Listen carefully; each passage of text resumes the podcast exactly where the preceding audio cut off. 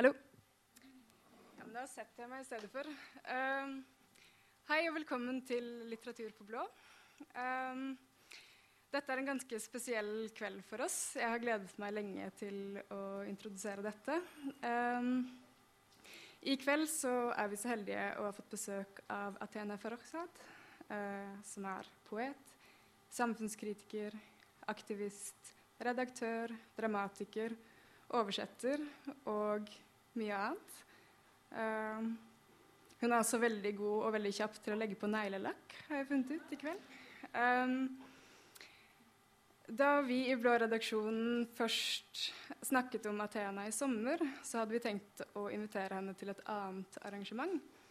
Uh, som vi skal ha om mødre i litteraturen, fordi vi hadde lest Hvitsvit, og dere som har vært borti den, vet at en av de aller første tingene som sies i den, er 'min mor sa'. Men så eh, kom detta fantastiska sommarprogrammet, eh, 'Sommer i P1' på svensk, eh, svensk, radio. Hur många av er har hört det? Ja. Eh, Athena blev inviterad till att eh, vara programledare i Sommar i P1'.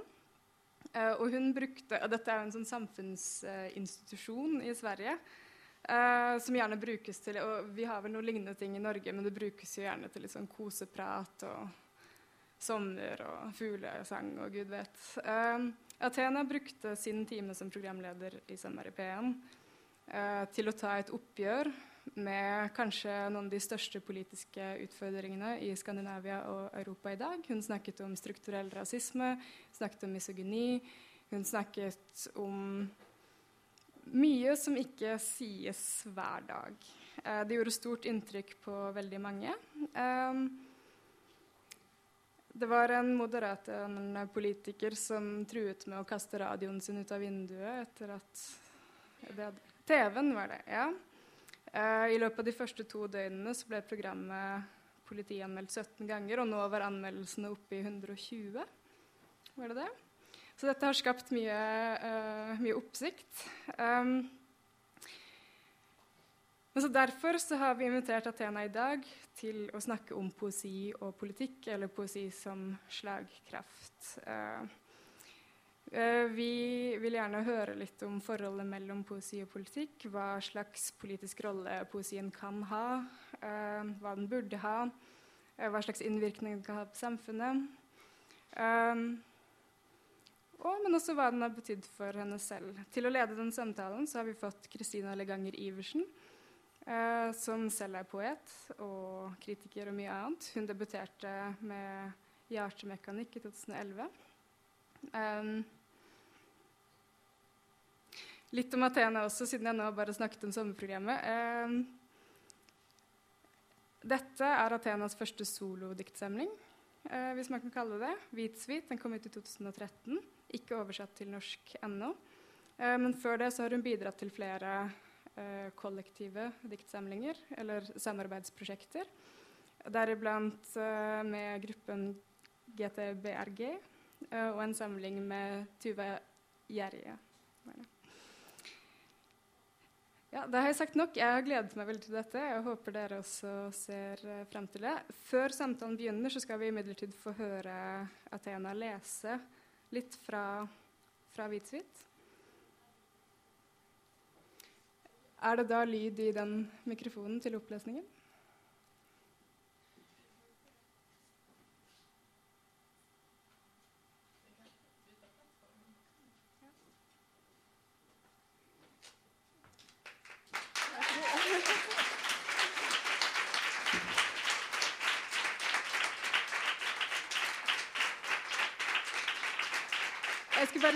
Aller siste ting. Athena har med seg noen få eksklusive eksemplarer av hvitsvit ja. som kan kjøpes etterpå. Bare kom opp og snakk med oss. Men uh, velkommen skal du være. Er det ljud i den?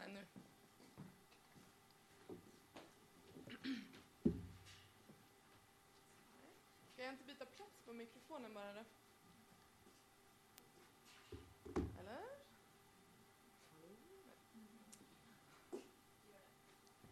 eller hur? Det verkar ju.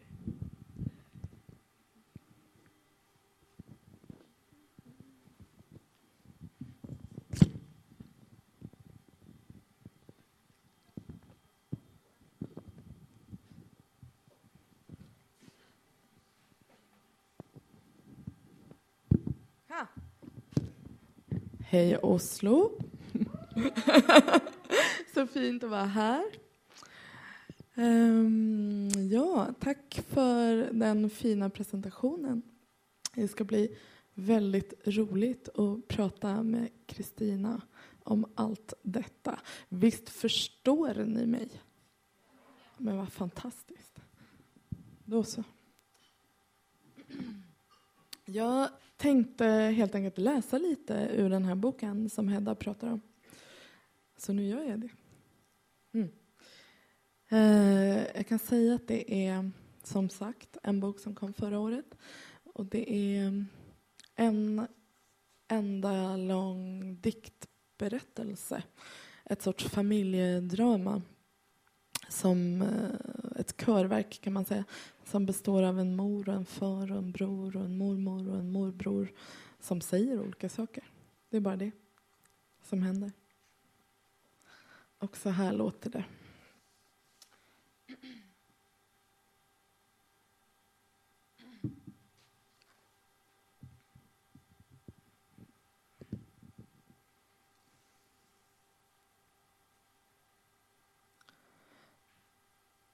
Min familj anlände hit i en marxistisk idétradition. Min mor fyllde genast huset med prydnadstomtar vägde plastgranens för och nackdelar mot varandra som om problemet vore hennes. På dagarna skilde hon mellan långa och korta vokaler som om ljuden som kom ur hennes mun kunde tvätta olivoljan ur huden. Min mor lät blekmedlet rinna genom syntaxen.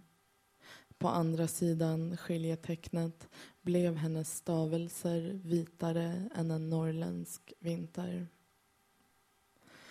Min mor byggde oss en framtid av livskvantitet. I förortsvillans källarförråd radade hon upp konservburkar som inför ett krig. På kvällarna letade hon recept och skalade potatis som om det var hennes historia som fanns chiffrerad i Janssons frestelse. Tänk att jag sög på de brösten Tänk att hon stoppade sitt barbari i min mun. Min mor sa det verkar som att det aldrig föresvävat dig att det är ur ditt namn civilisationen stammar. Min mor sa mörkret i min mage är det enda mörker du behärskar. Min mor sa du är en drömmare född att vrida raka ögon sneda. Min mor sa om du kunde betrakta omständigheterna som förmildrande skulle du låta mig komma lindrigare undan. Min mor sa underskatta aldrig vilka besvär människor gör sig för att formulera sanningar som är möjliga för dem att uthärda. Min mor sa, du var inte livsduglig ens från början. Min mor sa, en kvinna grävde ut sin mors ögon med fingrarna så att modern skulle slippa se dotterns förfall. Min far sa, du har en dragning åt metafysik. Ändå skolade jag dig i produktionens beskaffenhet när dina mjölktänder var intakta. Min mor sa din far levde för den yttersta dagen. Din mor lika så, men hon tvingades till andra ambitioner. Min mor sa i din fars sömn blir ni avrättade tillsammans. I din fars dröm bildar ni en genealogi av revolutionärer. Min far sa din mor matade dig med importerade silverskedar. Din mor var överallt i ditt ansikte, kammade frenetiskt ut lockarna. Min mor sa, I en livstid avundades jag din fars trauman tills jag insåg att mina egna var långt mer anmärkningsvärda.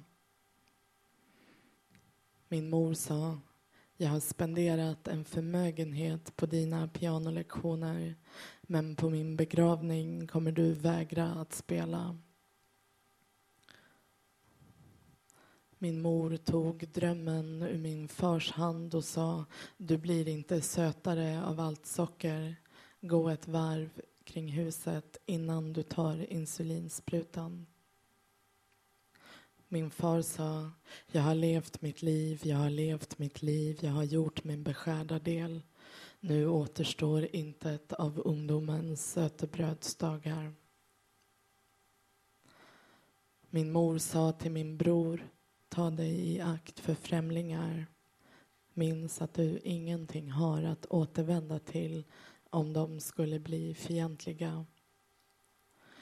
Min bror sa, jag hade en så underlig dröm att gryningen dog i mina ögon innan sömnen skingrats. En mänsklighet av socker och slakt. När jag tog farväl av ljuset visste jag allt. Min mor sa ur cellernas delning, ur ett genetiskt material, ur din fars huvud, men inte ur mig. Min far sa om det gick att tävla i martyrskap skulle din mor göra allt för att förlora. Min mor sa hjärtat är inte som knät som kan böjas av fri vilja. Min far sa Även den tupp som inte gal får se solen stiga. Min mor sa, men om hönan inte värper serveras hon själv till middag. Min far sa, din bror rakade sig innan skägget börjat växa. Din bror såg terroristens ansikte i spegeln och önskade sig en plattång i julklapp. Min bror sa någon gång vill jag dö i ett land där människor kan uttala mitt namn. Min bror sa, tro inte att det står i din makt att erbjuda mig något. Min far sa, vems far är det du skildrar? Min mor sa, vems mor är det du skildrar? Min bror sa, vilken bror är det som åsyftas? Min mormor sa, om du inte hackar klart grönsakerna snart blir det ingen middag. Min far sa åt dem som har ska vara givet och från dem som saknar ska ännu mer tas. Min mor sa ta lite mer mjölk innan den härsknar. Min mor sa visst vore det underligt att känna en enda natt som denna mitt språk i din mun. Min far sa en sked för bödlarna, en sked för befriarna en sked för de hungrande massorna och en sked för mig.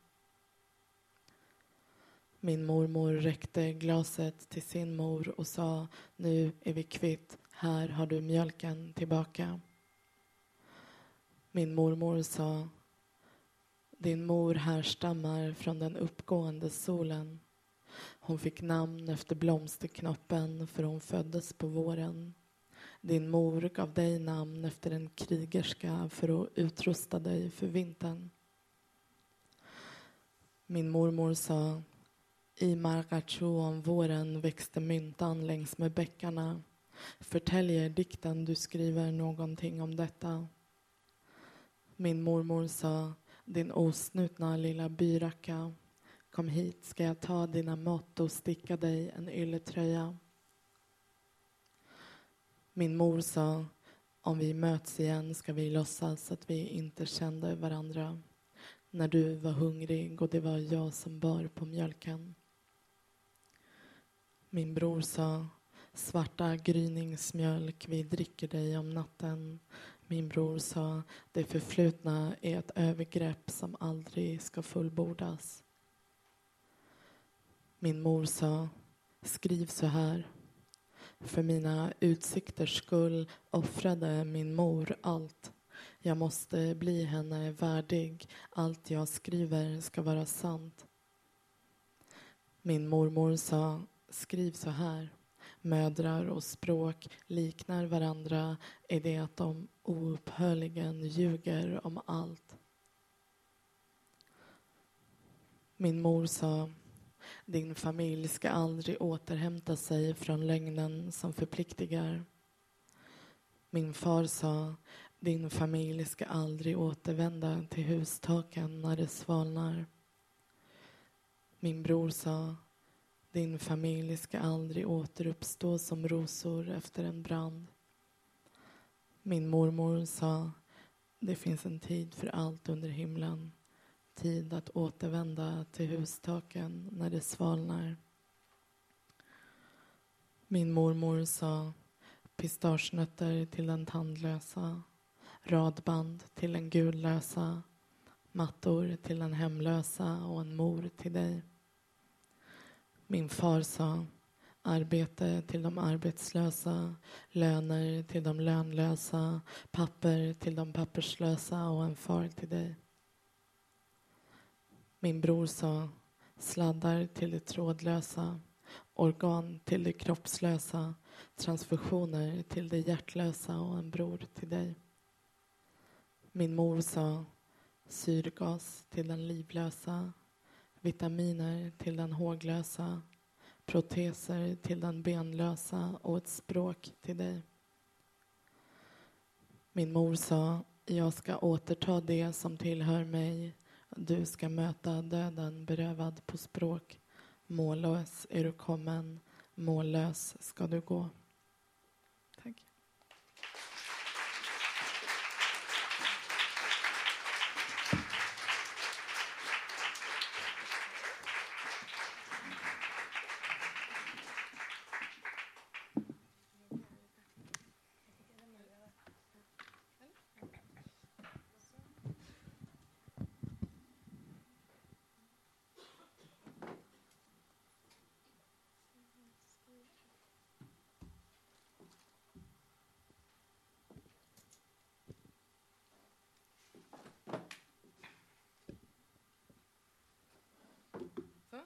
Så. Hej, sitter du bra? Jag sitter bra. Sitter du bra? Jag sitter bra. Mhm. Godt. Ja. Egentlig hadde jeg tenkt at vi skulle snakke eller starte med å snakke om boken.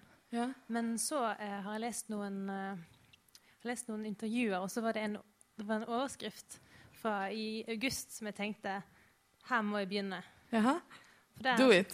Da begynner vi der. For der Begynn sto der. det, som så det fra en, et intervju i City, Ah. Athena Farrokhzad tröttnar aldrig på politik och poesi. Det är faktiskt bullshit. det, det är sånt man säger till tidningen. Det är sånt man säger till tidningar. Ja. Varför säger man det till tidningar?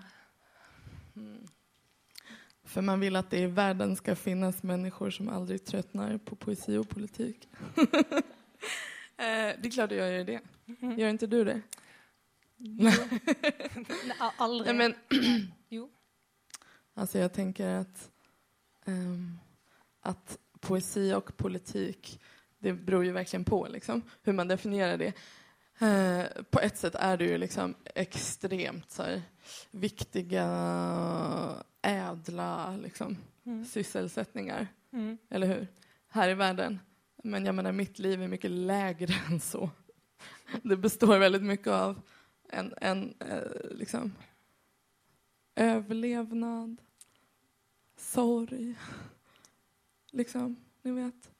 Självupptagenhet och så. Mm. Som är ganska långt bort från poesi och politik. Ja. Alltså narcissism, liksom. Förstår ni? Ja. Absolutt. Men jeg tenkte på det fordi at jeg har lest eh, en del intervjuer, og jeg har lest også en, eh, en tekst du skrev etter eh, dette beryktede eh, radioprogrammet. Eh, og veldig mange av intervjuene handler nettopp om poesi Ja. og politikk. Hvorfor blir det sånn? Men jag är ju någon sorts liksom, representant för det. Mm. i, i Sverige och numera också i Norden, tror jag. Jag blir liksom li, lite så här eh, glad och förfärad av att så många av er har lyssnat på det här programmet. det är som att jag vill att så här, jag ska vara någon annanstans i, än i Sverige och att det ska vara så här jungfruligt. Ja, du slipper ikke unna. Nej, men jag menar... eh, jag tänker att jag håller på med saker liksom, i, i dikten och i världen eh, som ofta uppfattas som att de är liksom far out på något sätt. Som att de är så kontroversiella, provocerande, inte vet jag. Liksom. Eh, och att det jag menar, de, för mig är de sakerna det absolut minst kontroversiella som finns. Liksom. Hvilke Så. saker? Nej, men jag, alltså bara hålla på med så här, ja, men antirasism, klasskamp. Liksom. Vilket jag också vill understryka. Jag tänker att i alla beskrivningar av det här jävla sommarpratet och i, hur Sveriges, Sveriges Radio pratar om det och så, så står det så här, oh, det här är ett, det är liksom så de försvarar det i offentligheten genom att säga så här, det här är ett starkt antirasistiskt program och så. Um, det handlar om migrationspolitik och liksom, uh, erfarenheter av utsatthet och, och det och det. Uh, men det handlar faktiskt minst lika mycket om klasskamp. Och jag tänker att det är symptomatiskt att Sveriges Radio inte säger det, för antirasist kan man vara liksom, nu för tiden, eller hur? Um, att vara socialist eller kommunist till och med, det är betydligt svårare. Men apropå det, jag menar liksom do, den typen av så här politiska fält, va? Uh, som jag tänker för mig är så här vardagsmat. Det handlar väldigt lite om att vara så här provocerande eller kontroversiell. Det handlar om att så här återupprätta anständighetens gränser, liksom. på något sätt. Um, men att det uppfattas som det. Och vilket gör att jag också tillskrivs det liksom, Mm. på många år. Men, men fine, liksom. Fine. Ehm, jag menar, jag är också väldigt intresserad av skönhet, till exempel. Och Mm. sorg och döden och så. För att jag är människa, alltså ni vet. Vi är ju alla människor liksom. Mm. Ehm, jag tänker att, att den här boken handlar oerhört mycket om döden, till exempel. Och så. Jag menar, så att man rymmer ju allt det förstås. Liksom. Ja, La oss gå videre til boken.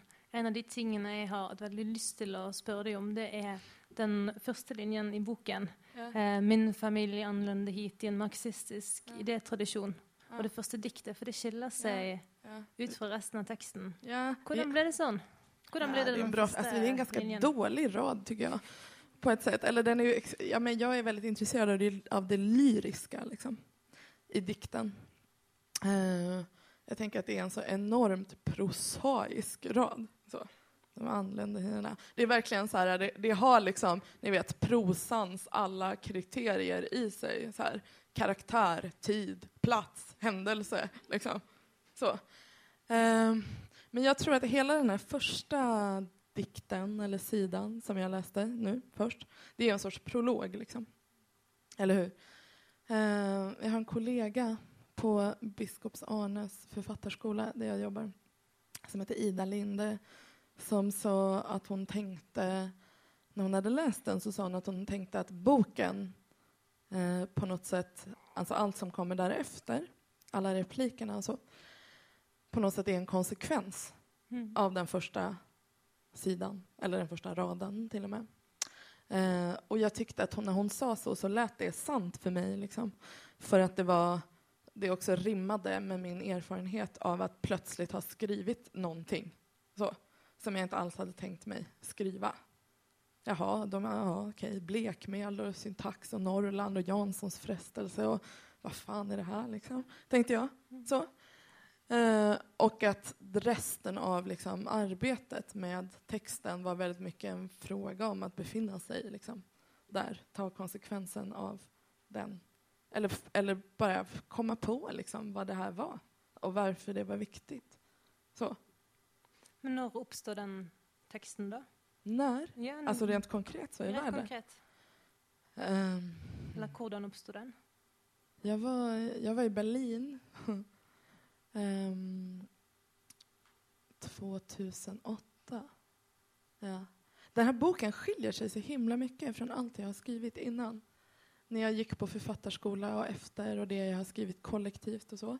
Eh, det är som väldigt, eh, jag tänker att det är väldigt så här, humoristiskt och ganska så här, akademiskt. Eh, och eh, på något sätt så här, långt bort från där det som är mitt liv. På ett sätt, på ett sätt inte, men på ett sätt. Liksom. Det tycker jag är bra också. Ingen värdering liksom, om det. Jag gillar det också. Um, men den här boken var, är så markant någonting annat. Liksom. Och så var jag i Berlin 2008 uh, eh, och hade inget internet. för typ för första gången sedan internet kom, typ. Ni vet, så här, på två veckor. Jag kan verkligen rekommendera det. Um, och då bara var jag liksom utelämnad på något sätt till mitt, min egen avgrund, tror jag. Eh, och så här, hade åkt dit för att skriva. Liksom. Men jag tänkte först att jag skulle skriva, jag hade någon sorts idé. eh, om att jag skulle skriva, ni vet det här s det är så här vit svit, det här esset som är i mitten, jag tänkte att det skulle vara inom parentes som S som är Socialdemokraterna. Så jag hade någon sorts idé om att jag skulle skriva den stora diktsamlingen om så här, det svenska folkhemmets förfall, typ. Eh, eh, det var det som var min plan, liksom, som också skulle vara kanske inte så nära mig på något vis. Och så satt jag där internetlös och liksom märkte att jag började skriva saker som gjorde mig enormt förtvivlad på något vis, när jag skrev dem. Så. Mm. Um, mm. Och sen så tror jag att jag bara förstod att jag var tvungen att vara kvar i det. Liksom. I den förtvivlan. Det är en sorts masochism. Liksom. Jag tror jag jobbar mycket med det i livet. På alla nivåer. I dikt, i relationer, och allting. Att vara kvar i förtvivlan. Så vistas i det. Eh, jag var intresserad av det. Eh, och sen så försökte jag liksom formalisera det på något sätt till någon sorts konceptuell princip som jag Eh, tänkte på som, ni vet, diktsamlingar, samtidslitteratur har ju ofta så olika konce konceptuella ramar. Liksom. Man bestämmer så här, eh, en regel för eh, vad man får skriva eller hur man får skriva som ska liksom generera text. Eh, och då så bestämde jag mig för att liksom formalisera det här till den konceptuella principen jag får bara ha kvar det som jag har skrivit som när jag läser det får mig att börja gråta. Så. Eh, tänkte jag. Det finns faktiskt en rad i boken som är så här, min mor sa bara den rad som utlöser mina tårar anser du värdig att nedteckna. Det blev en slight förflyttning där. Um, nej men för att jag var intresserad av att hitta liksom, den konceptuella principen. Jag tror att jag tänker på mig själv som en ganska konceptuell poet faktiskt. Eh, även om jag inte läses så, tror jag, så ofta. Eh, men hitta den liksom ur, i materialet självt, i, i eh, erfarenheten, eller erfarenhet är ett så dåligt ord för det blir genast så biografiskt, men i, i fältet liksom självt. För att jag kan tycka att det är så eh, tröttsamt faktiskt med den samtidspoesi där den konceptuella principen är så här, jaha, jag hittade på att jag inte skulle ha några, jag vet inte, F men varför hittade du på det? Liksom? Ja, en bra idé, men varför då? Liksom?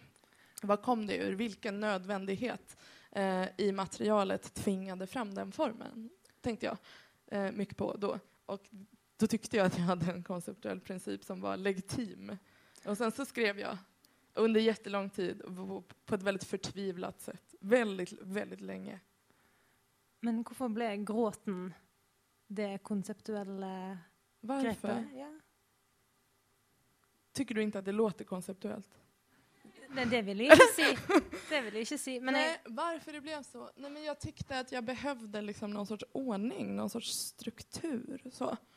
Um, alltså vad är, jag menar, en, en konceptuell princip eller ett grepp som du säger, det är ju en sorts urvalsmekanism, liksom. eller hur? Mm. Uh, och för mig var det en urvalsmekanism. Liksom. Min, min eg, mitt eget lidande. Jag menar, det, det, det låter också, det också, ni hör ju, det är otroligt patetiskt liksom, på ett sätt. Så här. Man bara sitter, "Åh", sitter och skriver och gråter och så. Liksom. Det är inte heller en kvalitetsmarkör, alltså som ni förstår. Att man själv blir rörd liksom, av någonting man skriver säger ju egentligen väldigt lite om dess liksom, eventuella storhet som dikt. Liksom. Men jag tror att så här, för mig var det ganska mycket en, så här, eh, en masochistisk process. Liksom. Och att jag behövde det. Att så här, tvinga mig själv till liksom, avgrundens plats, typ. Och inte uthärda mer. Liksom. Och när du skrev dig fram till avgrundsplats så blev det en text om familjen. Ja, för, ja. ja. är det inte alltid så? Ja, ja. Är det en text om... Jo, men det är ju en text om familjen. Fast jag tänker att familjen är liksom en sorts förevändning också. Um, alltså det här jag skrev under så väldigt lång tid, för det är så, alltså jag tror att det är den minst, minst kostnadseffektiva skrivprocessen i mänsklighetens historia. Typ, känns det som. Det är så otroligt lite text liksom. Eh, och det tog så lång tid. Uh, och det, det var, för mig var liksom arbetet med att skriva den här boken väldigt mycket ett arbete med att så här, tänka så okej, okej, jag befinner mig i eh, typ krigets, migrationens, rasismens, eh, revolutionens fält, så erfarenhetsfält och vill skriva liksom dess urscener på något sätt. Eh, så, det är det jag vill. Och jag, utan att riktigt veta vad de är. Liksom.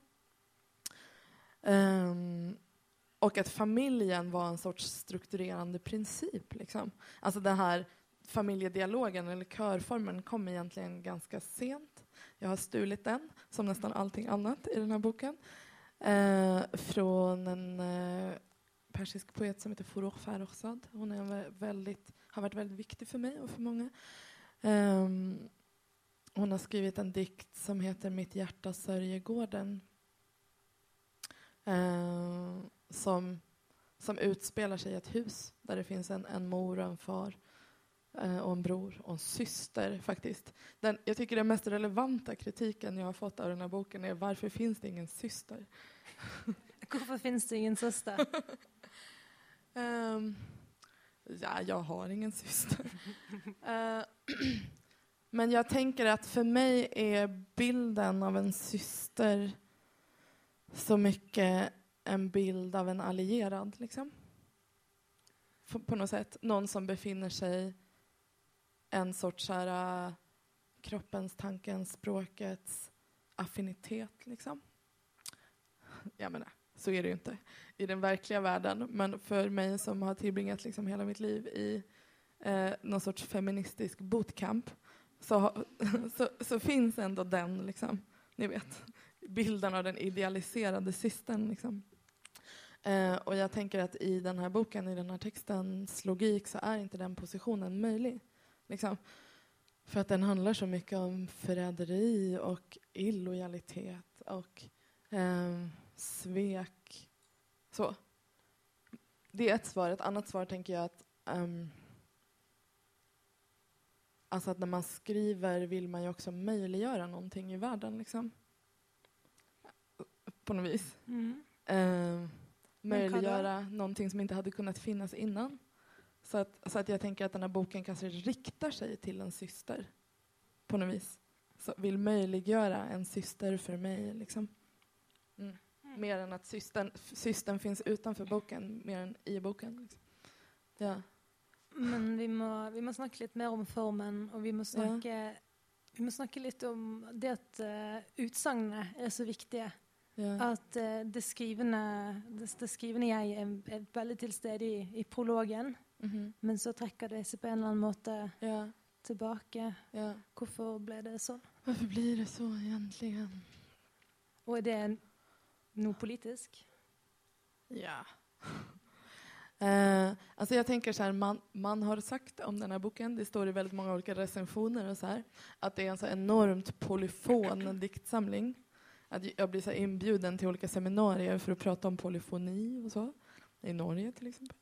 Ehm, men apropå det du säger så tänker jag att det är egentligen den minst polyfona bok som finns. Den är helt monoman i bemärkelsen att det är egentligen, det är bara till synes så att det här jaget pratar på första sidan eh, och sedan försvinner.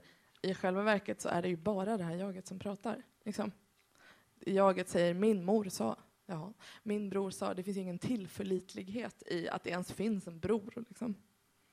Det är, de är ju inga verkliga positioner liksom, på ett sätt. Mm. Men, men jag tror att jag var väldigt intresserad av liksom, att skriva någonting som på något sätt låg nära mig, inte så mycket i bemärkelsen att det är så här faktiska händelser i mitt liv. Jag tror att det som människor tänker på som det biografiska i den här boken är oftast inte det, och tvärtom. Liksom. Eh, men någonting som låg nära mig, men också någonting som, som liksom kunde, apropå det politiska då, någonting som kunde vara en sorts liksom, um, på något sätt kunde härbärgera en kollektiv erfarenhet av revolution och, och, och krig och migration och rasism och annat. Eh, för att jag tänker att det som är liksom signifikativt för liksom den, den så här marginaliseringserfarenheten eller den förtrycks liksom, eh, erfarenheten är ju att den gör så olika saker med människor. Liksom. På något vis. Eh,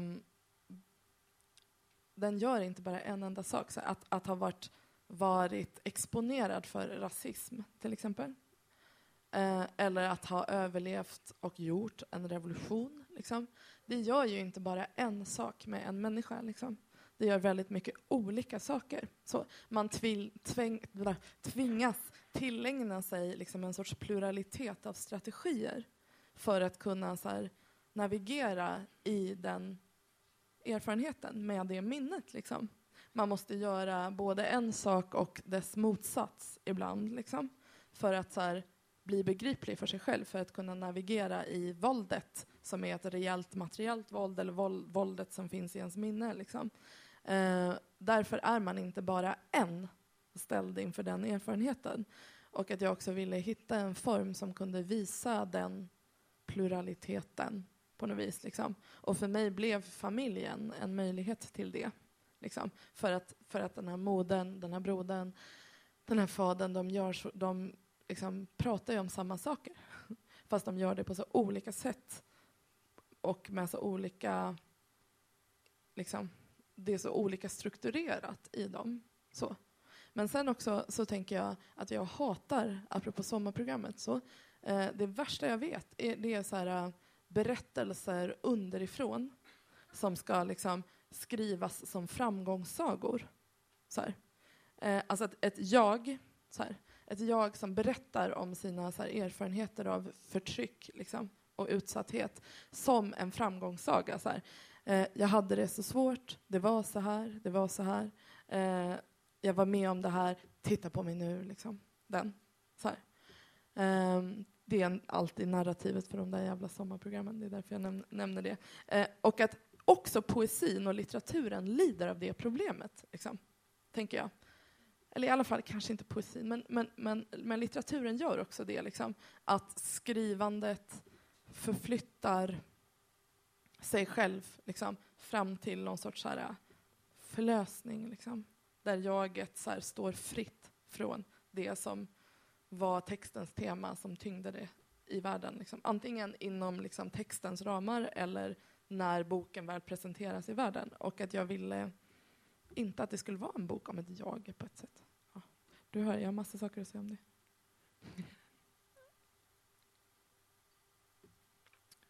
Jag tänkte på, nu, har du sagt mycket, men det är ganska um det er ganske mye kritikk innad i eh, dette kollektivet, eller dette koret av, av eh, stemmer. Mange, altså, I den første teksten så er det jo en, en kritikk av moren som mm. lar blekmelet uh, rinne. Mm -hmm. Er det sånn altså, På hvilken måte handler det om bedre og dårligere måter å tilpasse seg uh, migrasjon eller dette samfunnet på?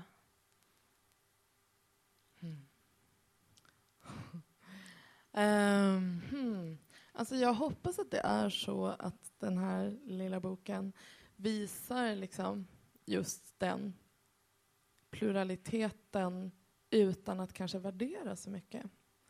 Eh, det kanske du tycker att den gör, men, men jag tänker att alltså, det, det, är ett väldigt hårt modersporträtt. Liksom. Eh, och modern är kanske den igen, enda egentliga karaktären i den här boken, tänker jag. Alla andra är liksom mest så funktioner eller schabloner på något sätt. Jag tänker att hon är på något sätt textens begärsobjekt för att hon är, finns på riktigt. Liksom. Eh, för det här jaget. För att hon också är komplex. Liksom. Um, men ja, jag vet inte. Jag, jag tänker att det texten gör, det är väl att på något sätt prata om liksom, att vara tvungen att förråda. Så. Eh, tvungen att vara lojal med, tvungen att förråda i förhållande till erfarenheter av migration till exempel, liksom, och hur det villkorar. Jag tänker inte att det handlar så mycket om så här, det här är en bra strategi, det här är en dålig strategi liksom, för eh, ett liv på en ny plats, utan snarare så här, eh, de här strategierna som kommer av de här erfarenheterna, de villkorar människors relationer till varandra på de här sätten. Liksom. Eh, I termer av förräderi eller lojalitet eller vad som helst. Eh, och de villkorar deras relation till språket, till sina kroppar, till sin, sitt minne, till döden. Allting liksom. Mer så. Mm. Ja, for det er en bok om en ikke-hvit familie, men den heter Hvitsvit. Ja. Og teksten i den eh, altså trykket hvitt på svart. Mm -hmm. Eh, Når kom tittel og dette grepet med teksten? Altså mm. måten den är trykket på? Alltså titeln var som sagt det faktiskt nästan det första. Eftersom jag tänkte att det skulle vara den här socialbok, socialdemokratiska boken. Mm. Um, men jag höll på och läste väldigt mycket så här, teori om, om vithet, vithetsforskning, Sara Ahmed och med flera och var väldigt upptagen av det. Nu är jag faktiskt inte så upptagen av det längre. Eh, vilket är väldigt skönt. um, hmm. jag, jag, jag, tänker mig så här, att den här titeln rymmer för mig på något sätt det boken är, tror jag. Um, dels liksom det faktiska ordet vit. Så. Uh, förstås, som är en sorts upptag, ständig upptagenhet. Liksom. Språkets vithet, mjölkens vithet, landskapets vithet, liksom. minnets så här, vithet på något vis. Spegelns bländning och så. Eh, den leker väldigt mycket med symboler för det. det, det är liksom en aspekt. Och sen sviten. Eh, på, jag vet inte hur det är på norska, men på svenska är som svit är en svit, som en diktsvit, som en pianosvit av Chopin, ni vet, svit. Liksom. Men svit betyder också typ konsekvenser av skador. Så är det inte på norska kanske. Nej.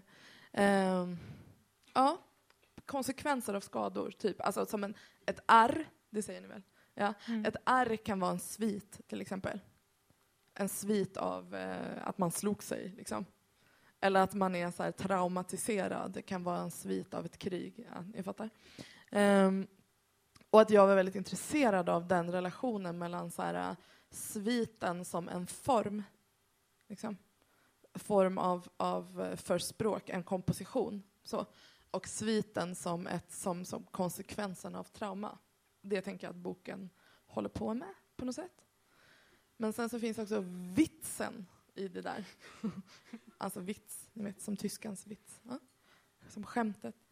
Um, som jag var väldigt upptagen av det. På ett sätt, nu har jag pratat om mycket, så mycket om lidande och gråt och så, men jag hade också roligt när jag skrev det här. Eh, I bemärkelsen att jag, jag, tänker så här, jag tänker på det här som någon sorts autofiktion. Liksom. Eh, att jag så här, leker med markörer för min egen biografi på olika sätt och för mig själv. Och så här, men också så här, föreställningar om den orientaliska familjen. Liksom. Alltså så här, det som finns i den här boken är så här, pistagenötter, saffransris, radband, hustak. Det som finns som är objekt. Liksom.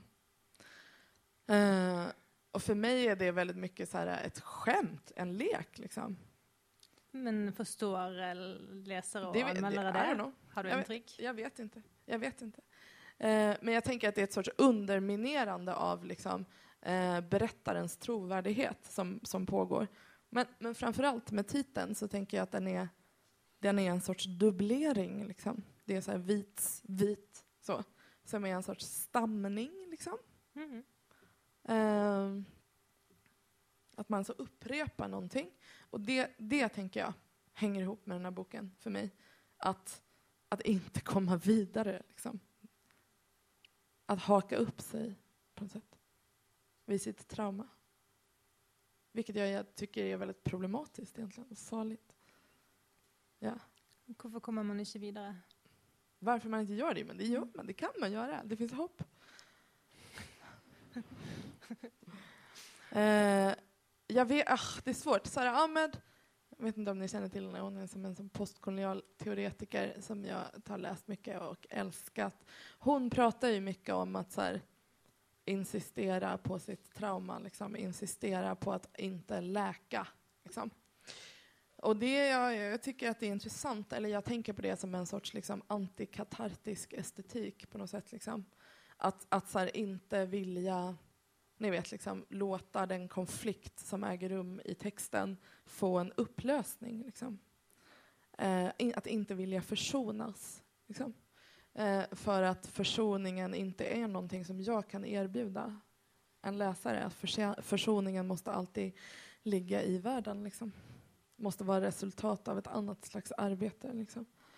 Eh, på ett sätt så tycker jag om det. Liksom. I hennes tänkande. På ett sätt så, apropå narcissismen jag var upptagen av i början, så tänker jag att det också är problematiskt att vara så här, att hålla hårt om sina egna sår, liksom. På något sätt. Men jag menar, det här är en diktsamling, liksom. Det här är inte mitt politiska program, så, så då kan jag tillåta mig lite narcissism. så. Nej, men jag menar att, att också att vara människa är också väldigt mycket att så här, omfatta, tänker jag. Eh, och förstå och vara en aktör i förhållanden i världen som man själv inte delar. Liksom. Ja, for det er en ting, eh, snakker vi om mye bra med Sara Arpen. Jeg har faktisk tatt med et eh, sitat om, men jeg kan komme tilbake til det. Dette med å engasjere seg i, i ting man ikke sjøl har opplevd. Um, jeg tenkte, for, for å begynne på hvithet. Eh, du har sagt at du er litt lei av det, eller liksom kommet forbi det. Eller den interessen i det. Ja. Men samtidig så har jo det blitt et emne som veldig mange andre plutselig har begynt å interessere seg for. Mm. Ikke minst i Danmark, der man har hatt det man kaller for hvithetsdebatten. Ja. Um, jeg interesserte meg, jeg hadde lyst til å spørre deg om en ting, for jeg var på Tekstvil, Ja. der du også var der. De hadde, de hadde en debatt. Det er en debatt som har kommet i Danmark, som handler om eh, hvis jeg får si det på en toskete måte, i hvilken grad det finnes strukturell rasisme. Jeg sier det på den måten fordi det er på den. Ja, måten men- det diskuteres. Mm. Ikke fordi jeg tenker Ja, på det på den ja. måten. Men så är det. Men i denne debatten der Athena var med, og det var en rekke andre forfattere med, så det er ett øyeblikk som har liksom brent seg fast Åh nej, vad har jag nu gjort?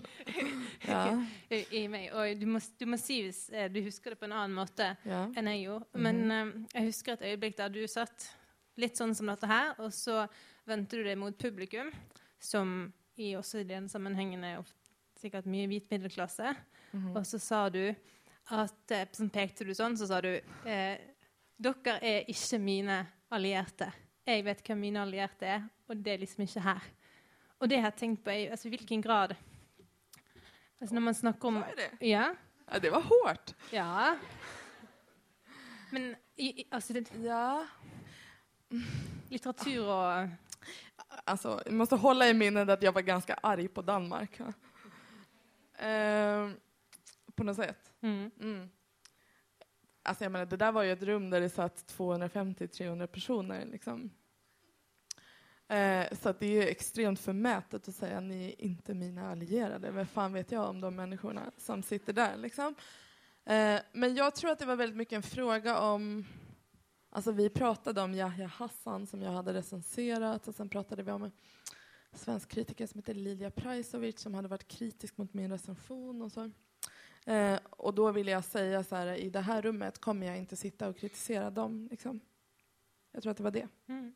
Så, jag kan tänka vad som helst om dem och vad de gör i sin dikt och i sin kritik. Liksom.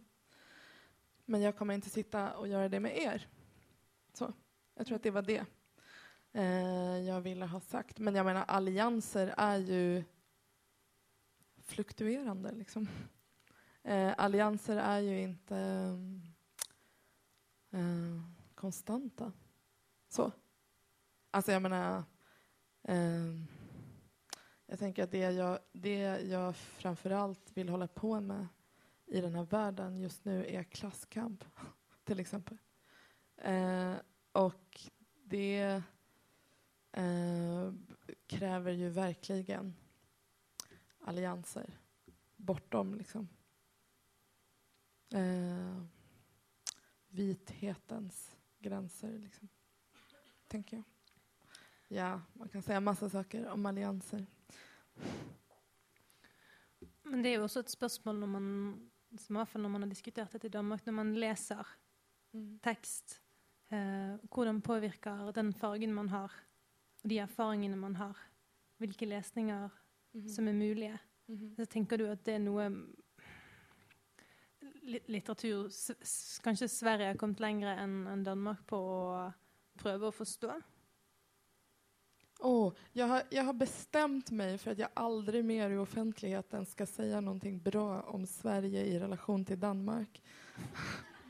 Eh, jag tänker att vi i Sverige har du vet, under så många år sagt så här, ja det är i alla fall inte som där. Det är i alla fall inte som där. Liksom. Mm. Eh, och det är det faktiskt också inte riktigt än. Eh, men vi har också 13 procent fascister i vår riksdag liksom, nu. Eh, och det tog fyra år. Så. Ehm, så jag, jag tänker att det finns, jag menar Danmark har sina problem, Sverige har sina, Norge har sina. Det finns saker som är mer progressiva tror jag eh, i det svenska samhället än i Danmark, men också helt klart tvärtom. Liksom. Helt klart. Um, ja, men alltså, jag menar, man läser ju alltid med sitt liv. Liksom. Så är det ju. Man läser, man lever alltid med sitt liv. Så. Man älskar med sitt liv, man läser med sitt liv, man har sex med sitt liv. Liksom. Man gör allt med sitt liv. Så. Um, det är klart att det, ens liv spelar roll. För, vad te- för texten är ju också ett blivande. Liksom. Texten är ju ingenting förrän läsaren är i den. Liksom. Det är klart att det spelar otroligt stor roll vad läsaren kommer med. Liksom. Sen är ju också en av litteraturens funktioner att förflytta människor. Liksom. Från en plats. Jag menar, litteraturen är ju inte bara en spegling. Liksom. Jag ska ju inte bara gå till dikten för att hitta mig själv i den. Liksom. Jag ska också förflyttas med den. Så. Ja.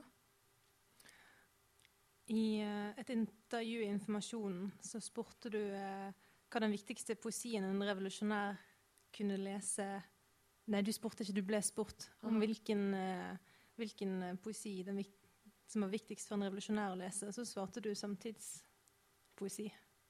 Sa jag det? Det var ett bra svar. Bra. Ja, det tycker jag. Ja. Ja, absolut. Tycker inte du det?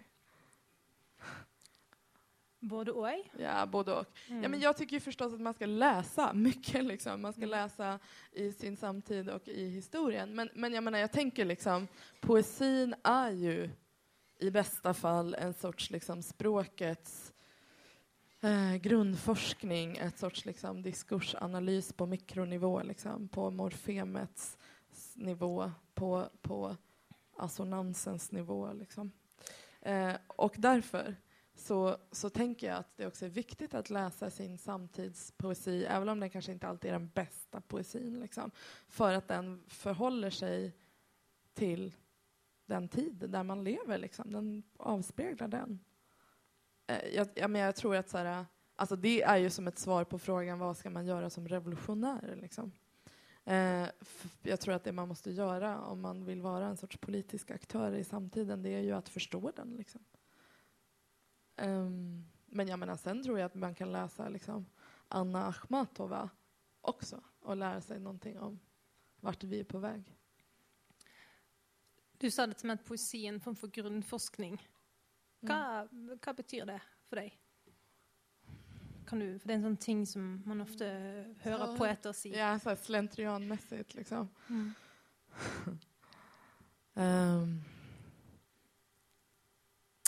jag tänker så här att väldigt mycket av liksom, kampen just nu, jag vet inte om det någonsin har varit så eh, i historien, om det alltid har varit så, eller om det är så mer än någonsin. Jag har väldigt svårt för, jag beundrar människor som kan säga saker om vår tid i förhållande till andra tiden. Jag tycker att det ofta blir så otroligt eh, spekulativt och liksom tendentiöst. Men, men jag har i alla fall en känsla av liksom, att i vår tid så utspelar sig eh, på något sätt, för att vi lever i en hypermedial tid eller i någon sorts liksom postinformationsteknologiskt samhälle, inte fan vet jag, eh, med liksom, där tecknen florerar enormt snabbt. Liksom. Eh, och där det gäller att så här, selektera liksom, mellan tecken. Eh, så har jag någon sorts känsla av att så här, eh, det politiska och dess relation till språket är mer, mer framträdande än någonsin. Liksom. Att så här, kampen om eh, hur de materiella resurserna ska fördelas, liksom, vilket ju är så här, politikens liksom, produceras och fördelas. Det, det är ändå det som där, det politiken börjar och slutar i. Liksom. Eh, att kampen om det är väldigt reglerad av språkliga förhandlingar. Liksom. Enormt mycket. Eh, av så här ständiga mm, samtal i liksom, offentligheten, i semi-offentligheten, i privata rum och så. Eh, som handlar om hur vi ska skriva berättelsen om det här samhället. Liksom. Hur vi ska skriva berättelsen om vårt vi och om dem, om insida och utsida. Liksom. Eh, och att så här, eh, begreppen är på något sätt så här, eh, under ständig förhandling, någon sorts här politisk hårdvaluta. Liksom. Begreppens förskjutningar.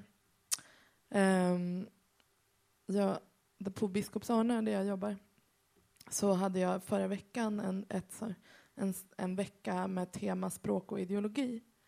Uh, och då läste de en bok som heter Tredje rikets språk. Känner ni till den? Eh, som är skriven av en tysk-judisk filolog som heter Viktor Klemperer som han skrev 47. Eh, som liksom tittar på så här, hur språk och ideologi reglerade varandra i Tredje riket och hur olika liksom, begrepp... Så här, fan, läs den boken, den är så jävla bra.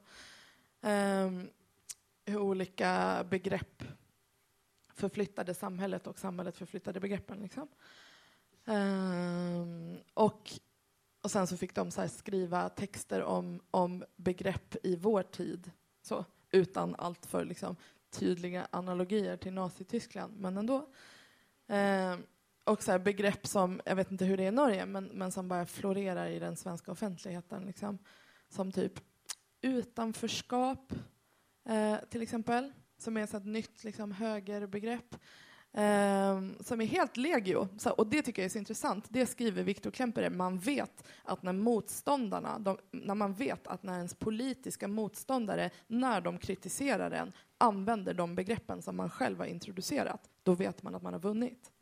Så. Um. ja, men en mass, massa liksom, anställningsbarhet, alltså ni vet, en massa begrepp. Liksom.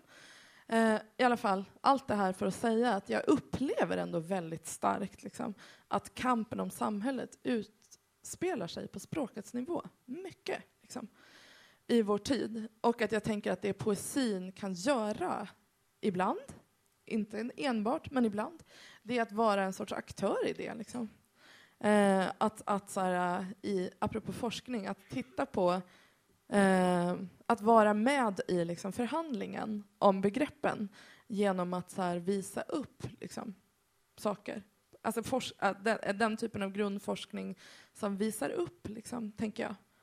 Eh, så har ju mycket samtidspoesi fungerat, liksom, samlat in språk från olika domäner i världen och så visat upp liksom, eh, de ideologier som bor där i. Liksom. Så, det men, men jag menar, det är bara ett svar. Sen kan man svara på massa olika sätt. Ja. Mm. Har du några exempel på någon som du syns gör det på en god måte i Sverige idag? Någon som gör det? Mm. Aj, aj, aj, aj. Ja. Hmm. Det har precis kommit en ny diktsamling för någon månad sedan, två månader sedan, av en svensk poet som heter Lars Mikael Ratama. Känner ni till honom? Ja. Eh, som är en sån en konceptuell liksom, eh, poet som heter Kommunismen. Den heter bara Kommunismen. Den är så här tjock. Nej, inte så här, nu överdriver jag. Så här tjock. Eh, och sen så består den av en massa, massa, massa olika dikter. Den bara sida upp och sida ner. Och varje dikt är uppkallad efter en kommunist i världshistorien. Typ. Och då är det allt från så här, uh, Joe Hill till typ um, hmm, så här Kiruna-svenskarna som liksom jobbade i gruvan. Så uh, till Angela Davis, till Amy Winehouse, det tycker jag är det roligaste. Uh, så här. Uh, det kan man tänka det är bara ett exempel, liksom. det kan man tänka massa saker om. Eh, men det tänker jag är ett sätt att så här, ge sig in i kampen om ett begrepp som så här, äh, har blivit i princip oanvändbart, i alla fall i Sverige. Liksom. Så. Eftersom så här, vi lever i högerns hegemoni så kan det i princip omöjligt att i offentligheten prata om kommunism, liksom, eller använda det ordet, så här, eh, utan att liksom, personligen behöva svara för så här, äh, Stalins all, alla brott. Liksom. Eh, och det tycker jag är bara ett extremt enkelt sätt att genom en titel liksom, utföra någonting. Mm. Jag menar, ett annat väldigt tydligt exempel är så här, Ida Börjel, en svensk samtidspoet som kom med en bok, hennes förr, förra bok som heter Konsumentköpslagen. Eh, som är liksom en sorts omdiktning av den svenska konsumentköpslagen, typ. Ja. Men tror du poesin har någon, eh, eller det är något med poesin som gör den speciellt egnet till den typen kamp om betydning? Ja, för den håller ju på med språk. Liksom. Um, alltså, du menar du liksom snarare än typ Roman, bildkonsten? Ah. Okay. Ja, ja. ja, ja. Du menar så. Nej, men jag menar prosan gör väl det på ett annat sätt. Liksom. Prosan gör väl det med, så här, eller romanen i alla fall, det är inte samma sak som prosan, gör väl det med liksom, eh, genom sin narrativa struktur, liksom, genom att så här, eh, jobba dramaturgiskt, eh, liksom, genom att så här, eh, spegla världen utifrån olika strategier. Liksom. Eh, poesin tänker jag gör det på mikronivå. Liksom. Poesin tänker jag också är en sorts... Eh, det finns en svensk kritiker som heter Magnus William Olsson som alltid brukar säga att poesin är uppmärksamhetens konst på något sätt. Eh, säkert någon annan som har sagt det innan. Eh, men men jag, jag, jag, tänker det, liksom, att poesin kräver en sorts här väldigt närvarande läsakt. Liksom. En sorts uppmärksamhet, ett, ett sätt att liksom, eh, sätta sig själv på spel i sin närvaro, sin fysiska närvaro på något sätt. Och därför är den kanske... Men jag menar, jag har inga... Jag vill också understryka en sak när vi pratar om poesi och politik. Det är att jag inte har några illusioner om att poesin är särskilt subversiv, egentligen. Så. Nej. Jag vet inte om jag gör er besvikna för att jag på något sätt ska inkarnera den idén liksom, i världen. Men, men jag tänker att det är också så här, alltså po poesi är poesi. Liksom. Poesins materialitet är också språk. Så här.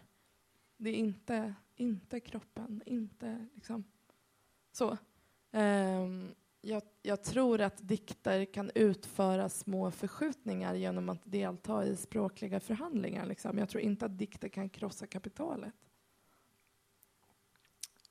Samtidigt när du eh, lagar dette sommerprogrammet, Mm. så siterer du 36 poeter. Mhm. Og det er noe som har overrasket mange. Altså den, Ja. Hvilke poeter du siterer, at du siterer poeter i et innlegg som handler så mye om, om politikk. Det, det, det finnes to spørsmål. Det ene er hvorfor den formen, og det andre hvorfor tror du at det er så overraskende for mange? Men för att vi lever i en så fruktansvärt debil tid. Liksom. Eh, på något sätt. Alltså dikten är ju väldigt undanskuffad. Så. Eh, vilket jag tänker hänger ihop med samtidens idioti. Liksom. Eh, Hvordan da? Ja, men för att, att man kanske inte är så intresserad av uppmärksamhet. Liksom. För att uppmärksamhet också är farligt. Uppmärksamhet eller långsamhet. Liksom. Eller, så här, eller en annan sorts förförelse än den typ av förförelse som eh, en så Hollywoodfilm kan erbjuda. Jag tänker att poesin jobbar med förförelse på ett annat sätt. Liksom. Eh, det är ingenting man kan så här, ruska av sig kanske på samma sätt. Men, men så här, det här programmet, jag vet inte hur väl ni känner till det, det, det är verkligen så som Hedda sa, en sorts institution i Sverige. Liksom. Eh, som är så här, ett, en gång om dagen, varje dag under sommaren så ger de det till en person. Eh, och så brukar det vara liksom så här, idrottsmän och kvinnor, akademiker, eh, alla möjliga. Liksom författare, oftast så här kändisar på något sätt. Liksom. Eh, och sen så pratar folk en timme om sitt liv. En, en och en halv timme och spelar lite låtar, typ. Eh, och jag tänkte så här, äh, det, här är, det är en miljon människor som lyssnar på det här programmet. Det är en och en halv månad innan valet. Jag kommer aldrig kunna prata till så många människor någonsin mer i hela mitt liv. Um, så. Uh, och jag är förmodligen den enda liksom, poeten och aktivisten på väldigt lång tid som de kommer släppa in i Radiohuset. Liksom. Eh, så, så här, det är lika bra att tell it like it is, liksom, tänkte jag. På något sätt, för en gångs skull. Eh, och att jag tänkte på något sätt så här, okay, men jag tar den här platsen i egenskap av poet och aktivist. Liksom. Eh, och då vill jag också prata om samhället och dikten. Alltså jag tänker också på mig själv. Jag jobbar ju med folkbildning liksom, på folkhögskola. Så här. Eh, och också visa, jag menar dikten är ju också, de här 36 poeterna, det är, väl, det är som allt ifrån så här, Edith Södergran, liksom, så här, modernister till så här, väldigt liksom, kanoniserade poeter i någon sorts så här, motståndsrörelse, typ som Pablo Neruda eller Mahmoud Darwish, eller så här, ni vet, så här, stora, tunga namn. Liksom eh, till så här, poeter som betraktas som ganska svåra och konceptuella. Liksom. Eh, som, inte vet jag, Rosemary Waldrop eller, eller Inger Christensen. Hon är väl inte så svår, men, men ni fattar. liksom. Väl, eh, jag tänker att det är så väldigt många olika typer av poesi som finns där. Och för mig var det ett sätt, så här, jag vill ju använda poesin. Liksom. Jag vill använda den för att så här, eh, Alltså jag menar, konst är också ytterst manipulation. Liksom. Jag vill ju så här, säga olika saker om samhället som ska ge en sorts resonans hos människor. Liksom. Och då vill jag också använda så här, diktens skönhet eller ohygglighet för att kunna göra det som ett sorts medel. Liksom. Anvende til hva da? Till vad? Ja. Till att säga något. Till att fan säga något liksom. Uh, alltså jag tänker så här, jag kan prata hur länge som helst om eh, att så här, problemet med liksom så här, klassresan som den enda idén om så här, hur vi ska göra oss av med klassamhället. Liksom. Typ. Det kan jag prata, prata om hur länge som helst. Så här, att det är en, en, en borgerlig liberal liksom, figur som i själva verket bibehåller klassamhället. Eh, men det kanske går väldigt mycket lättare att göra det genom att liksom citera två, tre rader av den svenska arbetarpoeten Stig Sjödin. Liksom. Eller av Brecht, som ju är någon sorts liksom, tråd. Det är lite pinsamt att jag håller på så mycket med Brecht i det här programmet, tycker jag själv. Hvorfor det? Så, men så, Brecht, liksom, I don't know. Ehm, när han säger, men han säger liksom så här, vad, vad, um, vad tjänar godheten till? Så här. Eh, när, när alla inte kan vara goda. Liksom. Vad tjänar friheten till när alla inte är fria? Så här. Ehm, att han har så här, alltså jag tänker så här, det där är för mig, nu kan inte jag, kommer jag inte ihåg de raderna exakt, men, men det där, jag tänker att han formulerar där liksom, kommunismens utopi, så här, det som är skillnaden mellan all typ av, liksom, eh, inte vet jag, så här, socialliberal eller liksom, ibland till och med liksom, halvsocialistisk välgörenhetspolitik, liksom, och, och så här, eh, någonting annat, en radikalt, fundamentalt annan idé om samhället. Liksom. Eh, så. Och han gör det mycket bättre än mig. Liksom. Så. Um, ja. Ja. ja. Mm. Du siterer mye i, i Hvit svit også, som eh, Mhm. Hedda var inne på når hun introduserte. Er det,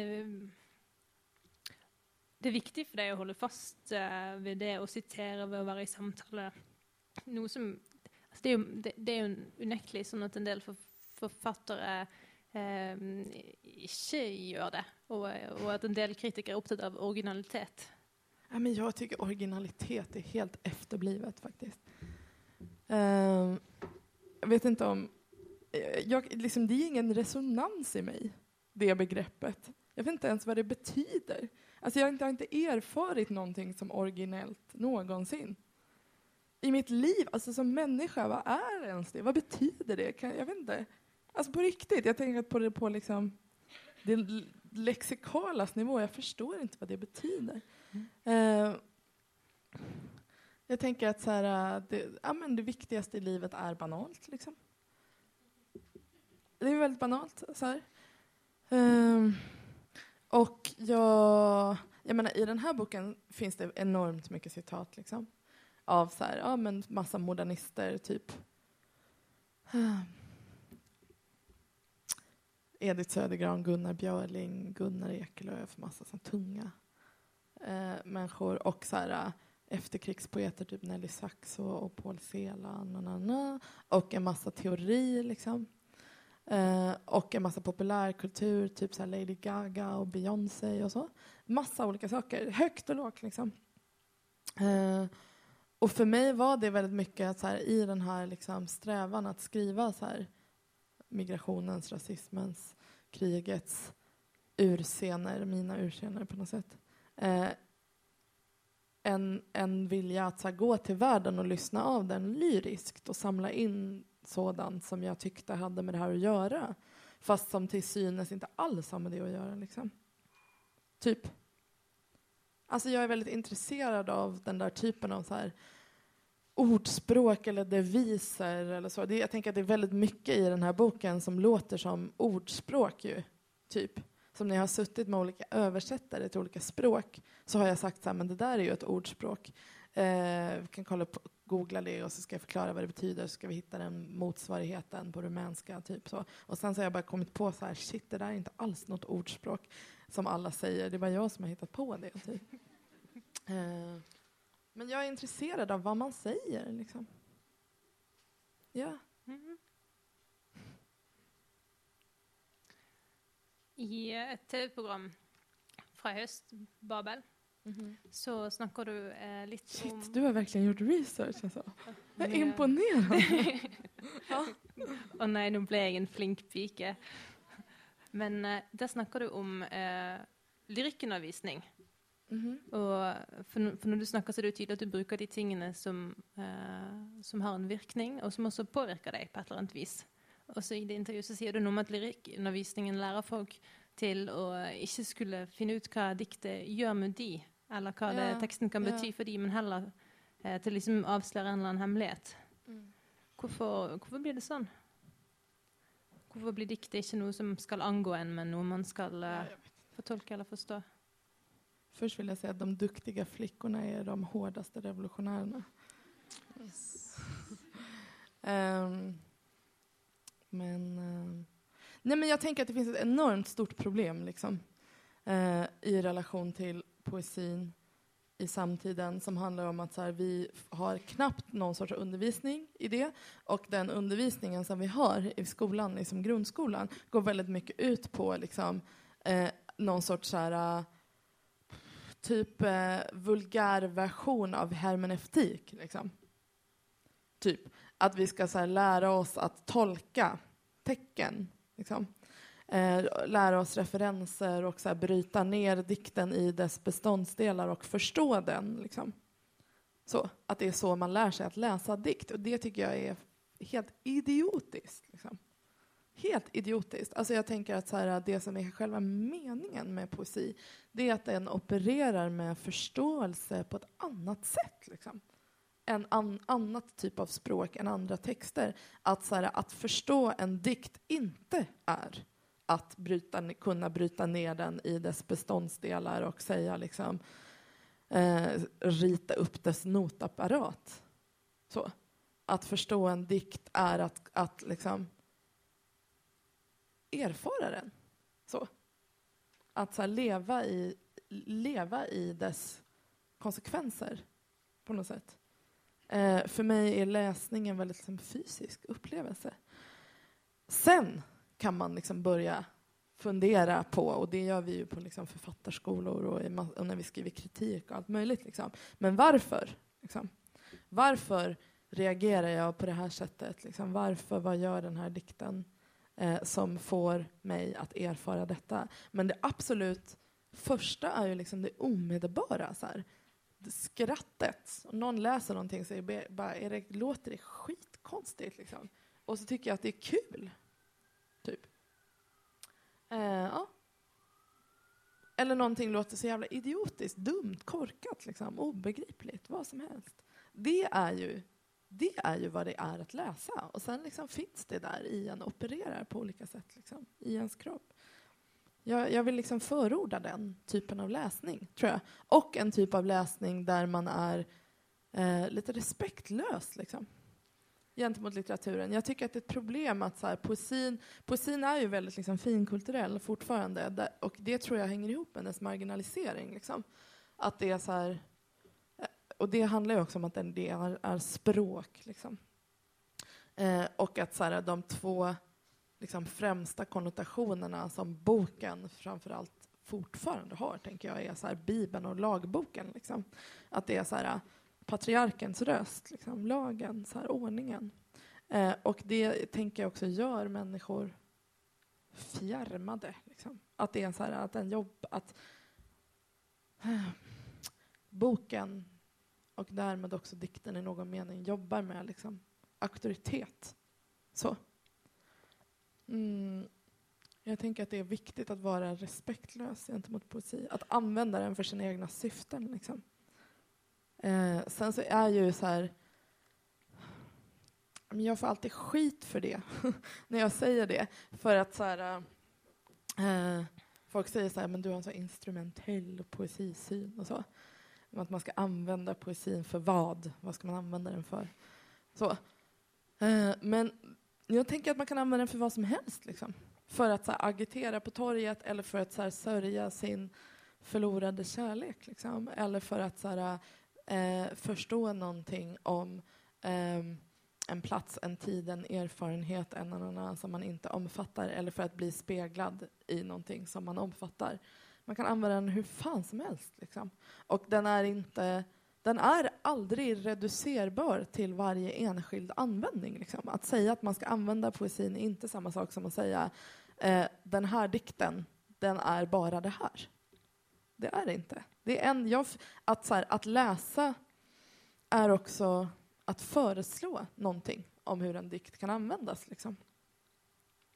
Det tycker jag man ska göra så mycket som möjligt.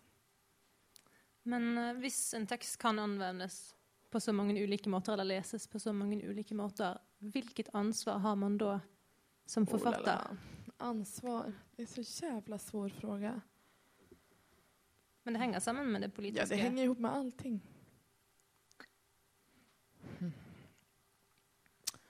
Ja. Men jag tänker att man har allt ansvar och inget ansvar. Ehm, det, finns, det finns en eh, dikt av en poet som heter Adrian Rich som jag också citerar i sommarpratet och har också citerat. Vill du läsa det? Gud! Sjukt. Okej. Allt vi skriver kommer att användas emot oss eller de vi älskar. Sådana är villkoren. Det är bara att acceptera. Poesin har aldrig haft möjlighet att stå utanför historien. En maskinskriven rad för 20 år sedan kan lysa i sprayfärg på en vägg och hylla konsten som bortvändhet eller som tortyr av dem vi inte älskade men inte heller ville döda. Vi är i rörelse, men våra ord finns kvar ansvariga för mer än vad vi tänkte oss och det är vårt privilegium. Jag tänker så här. Alltså jag behöver den här dikten. Det är därför jag återvänder till den så ofta. För jag tänker att den komplicerar min egen förståelse av ansvar. På något sätt. Hon säger så här. En maskinskriven rad för 20 år sedan kan lysa i sprayfärg på en vägg och hylla konsten som bortvändhet. Eller tortyr av dem vi inte älskade men inte heller ville döda. Vad betyder det? liksom? Eh, för mig, jag tänker att det betyder så här, eh, det spelar ingen roll på ett sätt. Eh, nej, men så här, eller jag tänker att hon säger så här, eh, oavsett hur mycket jag som författare vill ansvariggöra mig själv för vad min dikt mm, gör med världen, liksom. så är eh, språkets själva natur och därmed dikten att den är i konstant rörelse. Liksom. Det är det, så här, språket är ingen liksom, fast form. Den är någonting som så här, vi ständigt förhandlar om. Så här, någonting som betydde någonting för 20 år sedan kan betyda någonting. Vad hände? Råttor? Vad i Okej. Eh, okej. Ja. Nej, men bara för att säga så här. Eh, ehm, man, man, kan, man kan inte... Så här, det spelar visst roll, men ansvar är inte detsamma som kontroll. Jag tror att det är det jag vill åt. Liksom. Att skriva är en liksom, ehm, oundviklig kontrollförlust. Liksom, för att så här, allting rör sig i språket. Så. Men jag menar, jag är också intresserad av, jag tänker att alla människor som arbetar har ansvar för sitt material. Liksom. Man har ansvar för sitt material. Annars är det helt meningslöst att leva. Men är det ett dikt eh, som är fyllt av eh, hopp eller resignation, tror du? Altså dette kontrolltapet og denne endringen. Va? Vad menar du? Er det, en, er det en god ting? Er det en dum ting? Att, att tappa kontrollen? Ja, at man Vi er i rørelse, men våre ord finnes kvar. Ansvaret for mer enn vi tenkte oss. Og det er vårt privilegium. Är det bra att det är så? Mhm. Ja, men jag tror att det varken är bra eller dåligt, det bara är så. Alltså det är så. Jag tänker att det är därför ehm, hon är, den här dikten är så viktig för mig som ett så här, så här intellektuellt rättesnöre. Det bara är så. Oavsett om jag tycker att det är bra eller dåligt, om jag vill det eller inte. Det är så. Kan vi da bruke diktene for å kjempe for et bedre samfunn? Till exempel. Vi kan också använda dikter för att kämpa för ett sämre samhälle. Alltså jag menar, poesin är inte god liksom. Poesin har också använts till vad som helst genom historien. Um, så. Men jag, jag tycker att frågan om ansvar är komplicerad, mycket komplicerad faktiskt. För att den liksom också går hand i hand med frågan om internationalitet till exempel.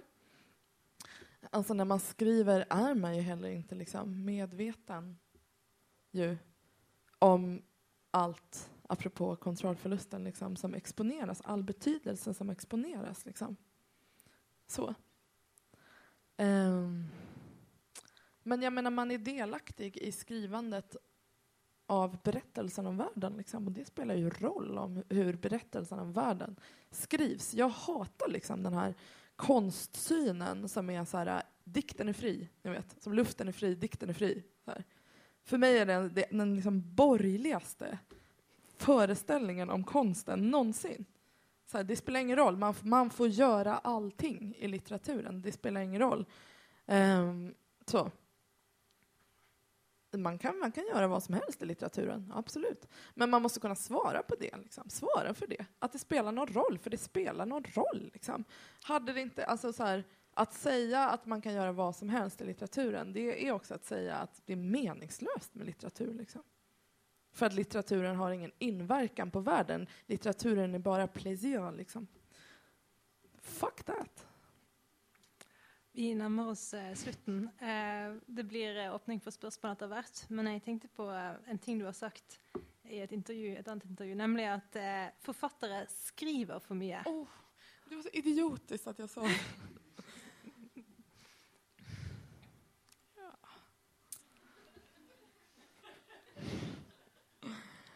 Uh, ja, men jag tänkte det då. Jo, men jag tänker det. Jag tänker fan det fortfarande.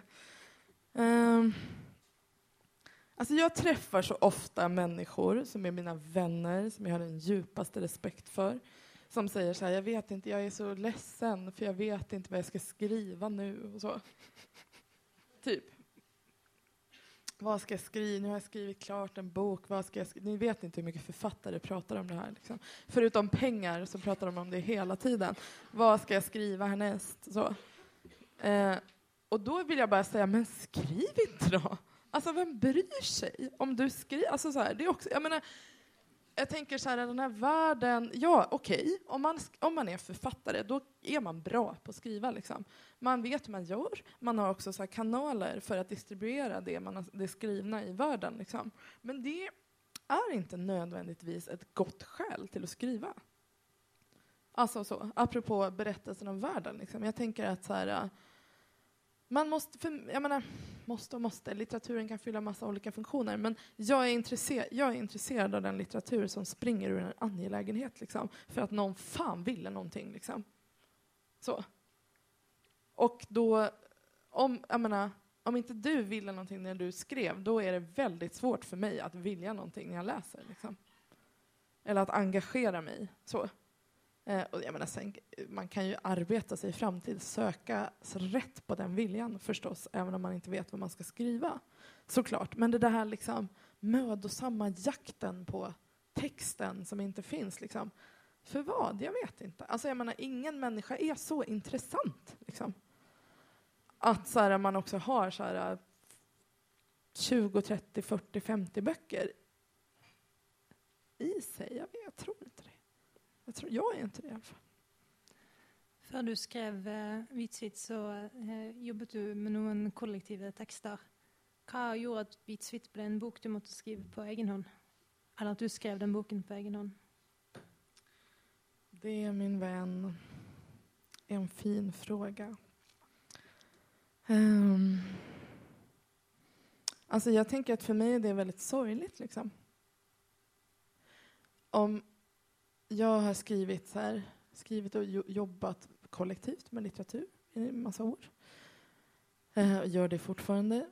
Men om, om jag liksom hade kunnat skriva den här boken tillsammans med någon annan så hade jag gjort det. Tror jag. Om den fanns. Så. Um, men jag upplevde inte att det var så. Liksom. Och den, bok, den här boken springer väldigt mycket ur den sorgen på något sätt. Och den ensamheten att vara, att inkarnera skillnad. Liksom. Också i de rum där man delar saker.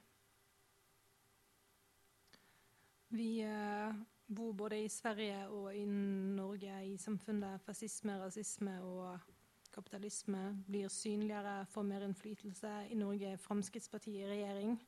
I Sverige så er Sverigedemokraterna blitt det tredje største partiet, ja. med 13 eh, Hva kan eh, vi som lesere, skrivere, forskere, kritikere, vi som holder på med litteratur, gjøre?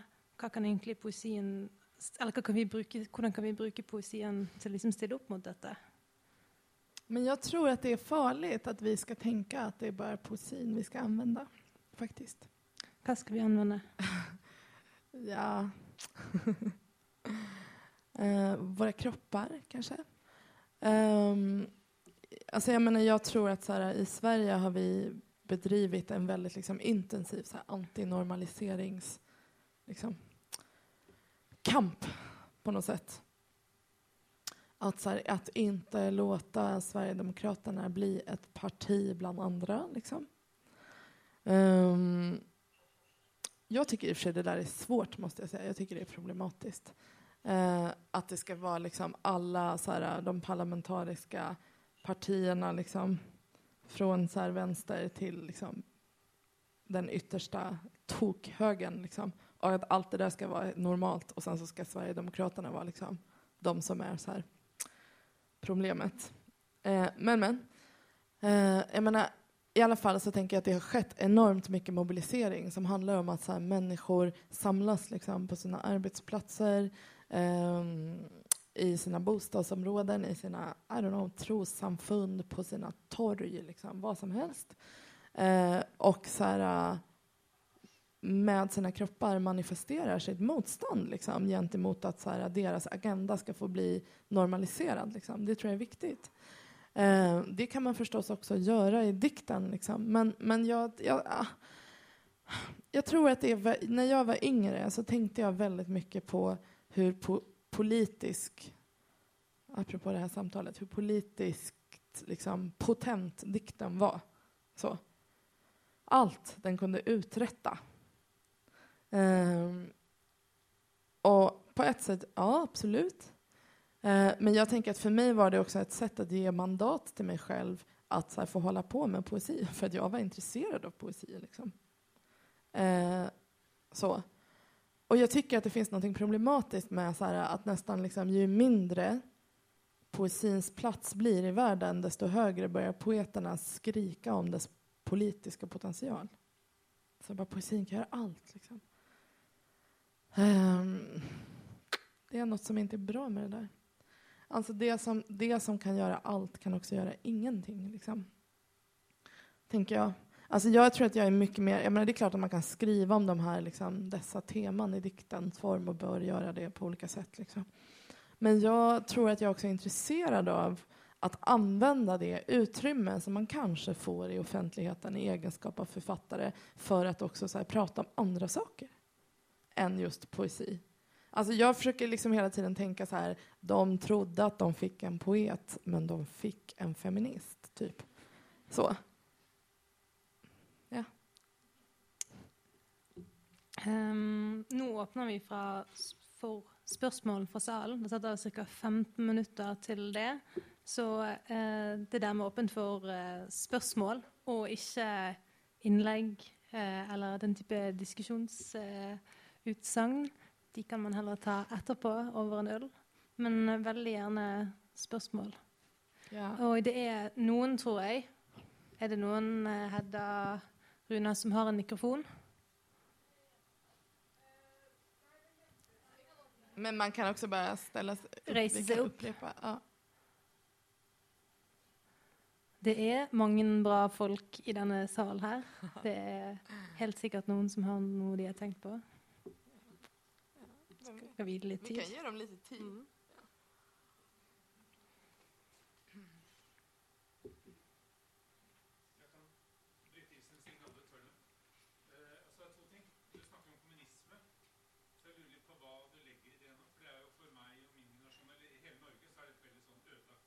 Ja.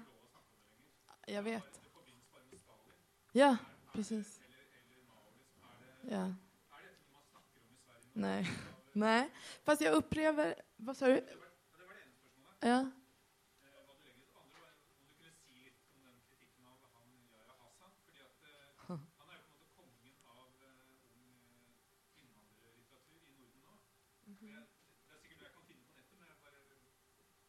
Ja, det kan det, til?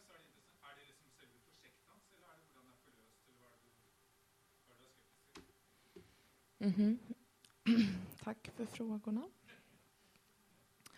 Eh, nej, jag tänker inte att det finns liksom att kommunism är så himla legio i Sverige. Nej. Um, men däremot så upplever jag nog att det finns en sorts rörelse för att återta det begreppet idag. Till skillnad från vad det gjorde för kanske tio år sedan eller fem år sedan. Liksom. Eh, där så här eh, post, liksom, ja men bara postmurens fall, där, där liksom liberalismen triumferade och så här, kommunismen inte längre ens var en möjlighet, ens som dröm, liksom, knappt ens som ett skämt. Eh, att det finns ett sorts, liksom, ett sorts försök att återta begreppet utifrån ett behov. Liksom. Eh, och att det behovet springer ur att så här, vänstern i, i Sverige är eh, ett skämt. Liksom. Vänstern, är, vänstern är ingenting. Vänstern har ingenting gemensamt med det som eh, man föreställer sig att vänstern har eller vill i världen. Eh, och att det finns ett sorts behov av att hitta, liksom, återgå kanske eh, till någonting. Men jag menar, det är ju så, liksom, det finns ju det begreppet är, associeras ju med liksom, eh, också historiens fasor. Liksom. Eh, och, jag, menar, jag, jag, jag tycker att det är vanskligt också. Jag vistas mycket i Östeuropa till exempel. Liksom. Det, det är inte så att jag sitter där på scenen och pratar vitt och brett om kommunismen. Liksom. Eh, men jag menar, för mig, jag tänker så här, eh, det man säger då, när man säger så här, när man åberopar liksom, ehm, inte vet jag, Pol Pot eller Mao eller Stalin eller ni vet liksom, eh, och, och dessa grymheter, då gör man en, ett sorts liksom, historiskt åberopande till så här fruktansvärda saker som har hänt. Eh, och det, det förstår jag. Det tycker jag är legitimt. Eh, jag tänker att jag har en annan relation som till det där begreppet som också är historisk. Om man nu gör historiska åberopanden. Och det är att så här, jag kommer ur, jag är barn till en generation liksom, som så här, ehm, som var kommunister, liksom, som slogs och ehm, kämpade och betalade ett enormt högt pris för att de var det. Liksom. De som gick under så här, i Mellanöstern, i Latinamerika, just för att de var det. Liksom. Och jag har en väldig affinitet med det begreppet, därför.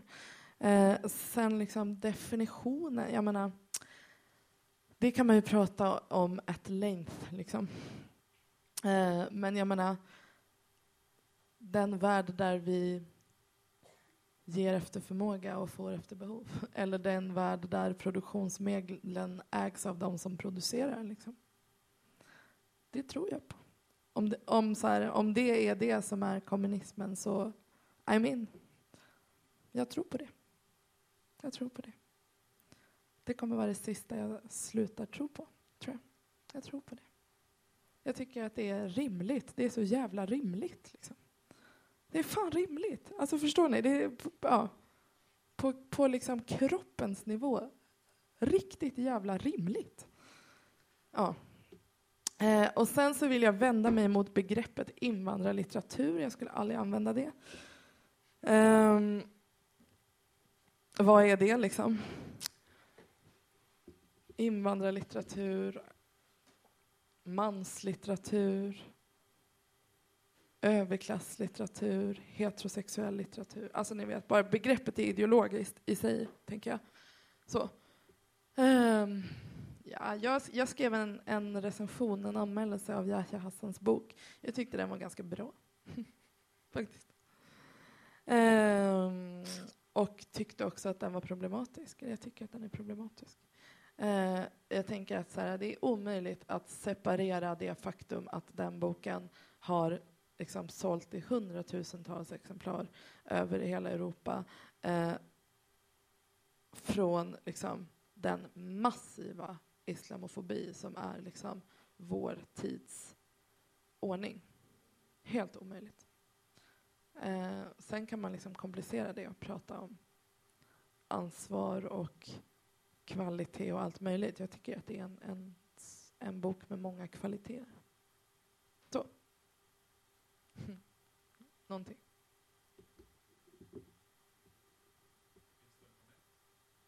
Anmälelse? Ja. ja. På Aftonbladet. Så är det.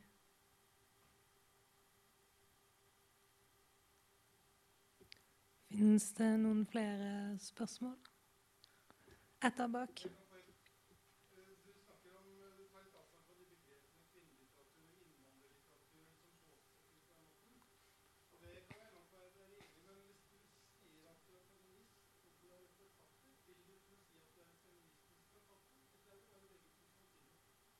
Ja, ja. Ja, ja. Det tänker jag är någonting, alltså feminist, att vara en feministisk författare är något annat än invandrarlitteratur. Eller äh, kvinnor... Äh, det är väldigt svårt, jag tänker att det är väldigt svårt för att, för att liksom, om man så här, tillhör och skriver genom och för en sorts marginaliserad grupp i samhället då finns det liksom parallella rörelser i den ambitionen. Dels en rörelse att säga så här, jag är detta. Ja? Jag är kvinna, jag är lesbisk, jag är detta. Så eh, ni eh, har allt för länge fått definiera de här begreppen. Liksom. Ni i så här hela, eh, inte vet jag, liksom, hela jävla kanon så här, består av mäns definitioner av vad en kvinna är. Ju. Och att säga så här, nu skriver jag den här boken eh, för mig, för det här kollektivet, det här är jag. Liksom. Eh, och det är en sorts rörelse där man så här, pekar ut sin, vad ska man säga, särart i världen. Ju. Där man säger så här, jag är partikulär och jag äger den partikulariteten, inte du. Liksom. Så. Det är en rörelse. En annan rörelse i det är att säga så här, jag går inte med på att det är jag som är partikulär. Vadå? Det är du som är det. ja, men liksom. Eh, vadå? Så här, att, ha, att ha en livmoder eller en fitta, liksom, det, eller att ha migrerat, det är en av de mest universella mänskliga erfarenheter som finns. Liksom. Så. Och den borde vara också vara universaliserad i litteraturen. Liksom. Alltså att skriva utifrån den positionen där man också hävdar sin universalitet. Liksom. Uh, och jag, jag, tänker apropå det vi, jag pratade om inledningsvis, liksom att, att erfarenheter av rasism och så gör att man tillskansar sig många olika strategier. Så tänker jag att de, de strategierna existerar parallellt och de är sanna. Liksom. Jag tror på dem. Uh, men jag skulle aldrig använda ett begrepp som kvinnolitteratur eller invandrarlitteratur för att det är så mycket liksom, maktens etikett. För att avuniversalisera. Jeg syns vi skal åpne for ett spørsmål til. Men eh, jeg er litt fan av en form for kvotering, så hvis det er noen eh, damer som har noe spørsmål nå, så begynner vi med det. Jeg har vært på Litteraturpåbud en del ganger, og det er alltid mennene som stiller spørsmål. Surprise, surprise. Mm.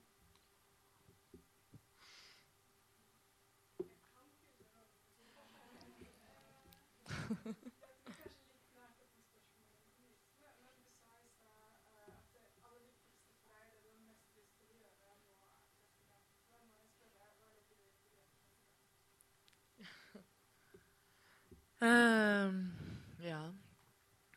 Alltså det är så här, vi, Sverige är just nu det land, alltså ni vet Sverige liksom. Jag tänker att ja, Sverige och Norge har väl liksom lite samma funktion i så här, eh, världens fantasi liksom. I bemärkelsen så här, eh, så här, det, det är liksom framgångsrika tredje vägen-exemplet. Ja.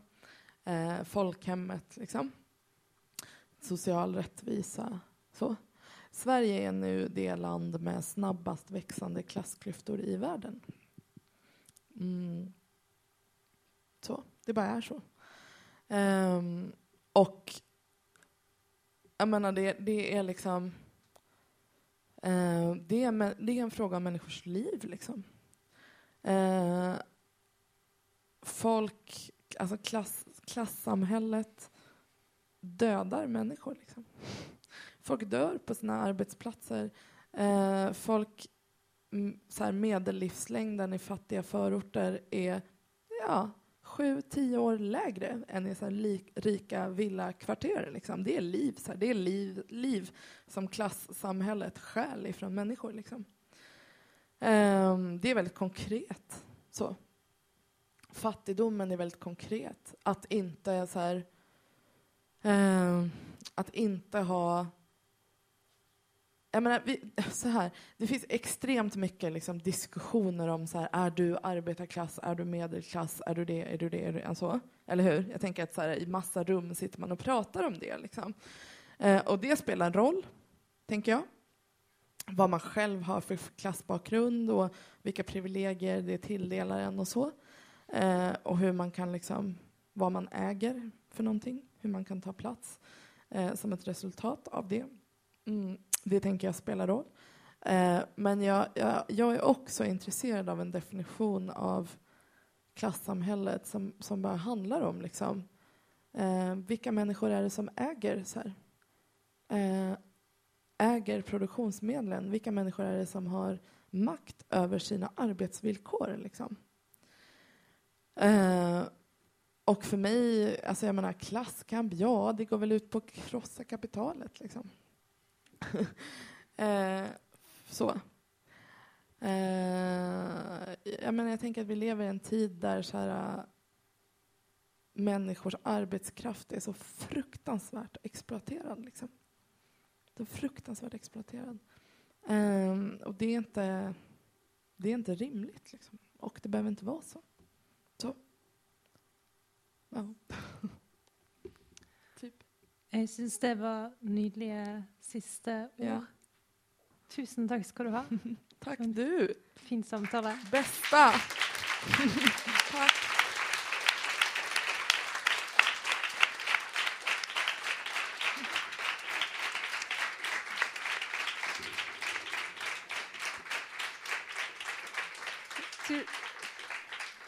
Tusen takk til Athena og Kristina for en lang og veldig god samtale. Tack för att ni Eh, arrangerade och för att ni kom. Vad fina ni är. Takk til dere i publikum, og velkommen tilbake til neste uh, ukes arrangement. Da har vi kveld om mødre i litteraturen. Eh, nærmere bestemt eh, mødre og døtre. Da kommer Cecilie Enger, Katrine Knutsen og Inger Bråtveit. Du kan gjerne komme tilbake, du også. Fett. Alltså jag åker från Oslo imorgon så jag har en kväll i Oslo. Jag vill ha roligt, ta med mig ut. Det vill jag också säga. Det jag Det skal vi gjøre. Fett. Takk for